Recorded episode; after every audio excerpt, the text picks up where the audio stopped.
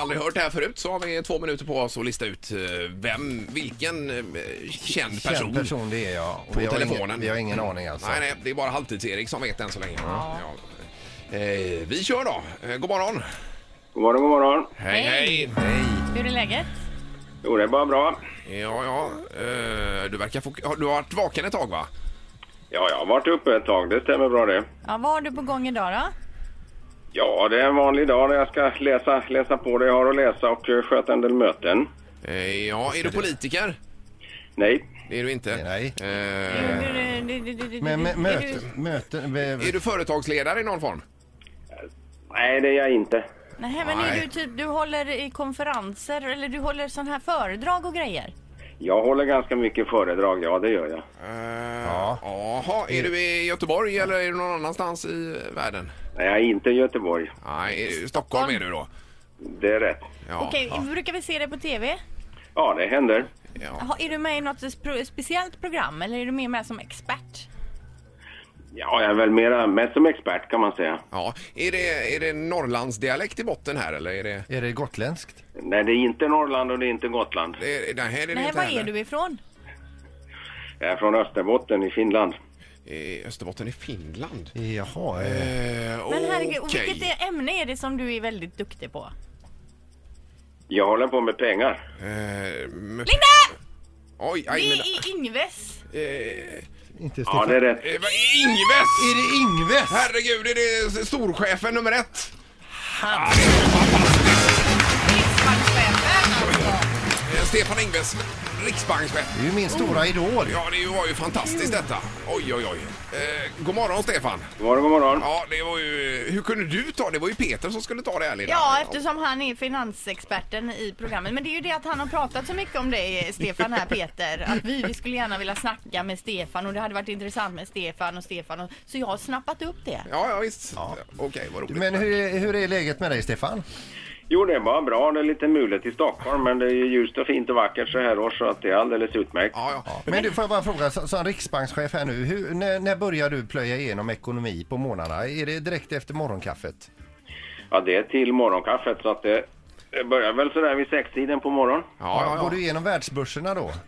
Nej, inte världsbörserna, men framförallt läser jag ju tidningar och håller reda på vad som har skett i världen. ja. just det. Och det har alltid att göra med eh, export, import och även oroligheter kan jag tänka va?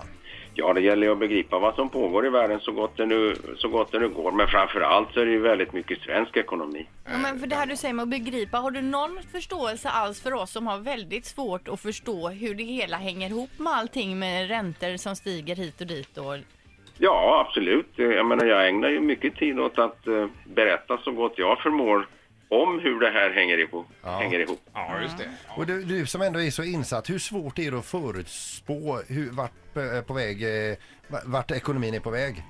Det är väldigt svårt. Eh, Vi klarar av att göra hyggliga prognoser med ungefär ett års framförhållning. Men går man en två, tre år framåt i tiden, då, då vet man aldrig egentligen riktigt hur det blir. Nej. Eh, Men reporäntan är ju mycket eh, skriverier alltid om. Vem, eller hur bestäms exakt reporäntan, Stefan? Ja, vi är sex stycken personer i Riksbankens direktion som resonerar om vad vi ska göra och sen eh, ungefär varannan månad så får vi sätta ner foten och bestämma oss. Mm. ja, och det, är, är ni alltid hyfsat överens där i, i den här gruppen? Det varierar, eh, det varierar över tiden men eh, för det mesta så har det funnits en ganska stor majoritet för de beslut som fattas. Så att det är sällan eh, precis jämnt. Just det. och hur mycket pengar finns det i hela Sverige?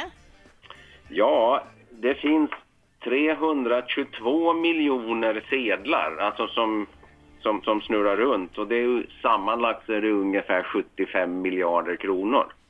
Och sen så finns det 1900 milja- miljoner mynt och det är ungefär 5 miljarder sammanlagt så att eh, Okej. sedlar och mynt det är 80 miljarder kronor. Eh, s- Okej, som, eh, och det kommer liksom inga nya pengar till då efterhand? Utan det, Ja, ja framförallt så är det så att, att när det gäller både sedlar och mynt så använder ju folk eh, allt färre sedlar och mynt för att man betalar med med kort eller man betalar via telefon eller i datorn och sådär så att eh, den utelöpande sedelmängden krymper och krymper ganska snabbt för närvarande för att det blir mera elektroniska pengar istället. Just det. Du Stefan som riksbankschef här nu skulle vilja gå ut med en liten uppmaning till eh, de svenska hushållen eh, nu på morgonkvisten.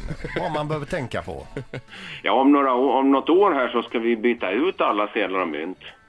Och då, då ska man se till så att man eh, växlar in sina gamla sedlar och framför allt kommer det att vara viktigt att alla tar sina syltburkar eller blomkrukor eller vad det nu är där man har väldigt mycket mynt och går till banken och tömmer dem så att Ja. Men vi får vadå, tillbaka varför de ska vi gamla. byta ut alla sedlar och mynt? Förlåt? Varför ska vi byta ut alla sedlar och mynt? Därför att vi har haft de sedlarna och de mynten som vi använder idag väldigt, väldigt länge och de är omoderna och opraktiska och framförallt så behöver vi eh, introducera bättre säkerhetsdetaljer så att det är svårare att förfalska. Ja, just det. Det är klart, ja. ja, ja. Eh, nej, det här var ju otroligt intressant. alltså. Ja, jag har miljarder med frågor till, visst, alltså. men Det- vi måste vidare, Peter, i detta. Ja, det var ju, vilken ära att få prata med dig Stefan. Ja, det var det verkligen. Tack, tack. Ja, och lycka till nu framöver, Stefan Ingves. Tack så du ha. Tack, tack! Grymt, tack. Hej, då. Hej. hej, hej. Ett poddtips från Podplay. I fallen jag aldrig glömmer djupdyker Hasse Aro i arbetet bakom några av Sveriges mest uppseendeväckande brottsutredningar. Går vi in med hemlig telefonavlyssning och, och då upplever vi att vi får en total förändring av hans beteende. Vad är det som händer nu? Vem är det som läcker? Och så säger han att jag är kriminell, jag har varit kriminell i hela mitt liv men att mörda ett barn, där går min gräns.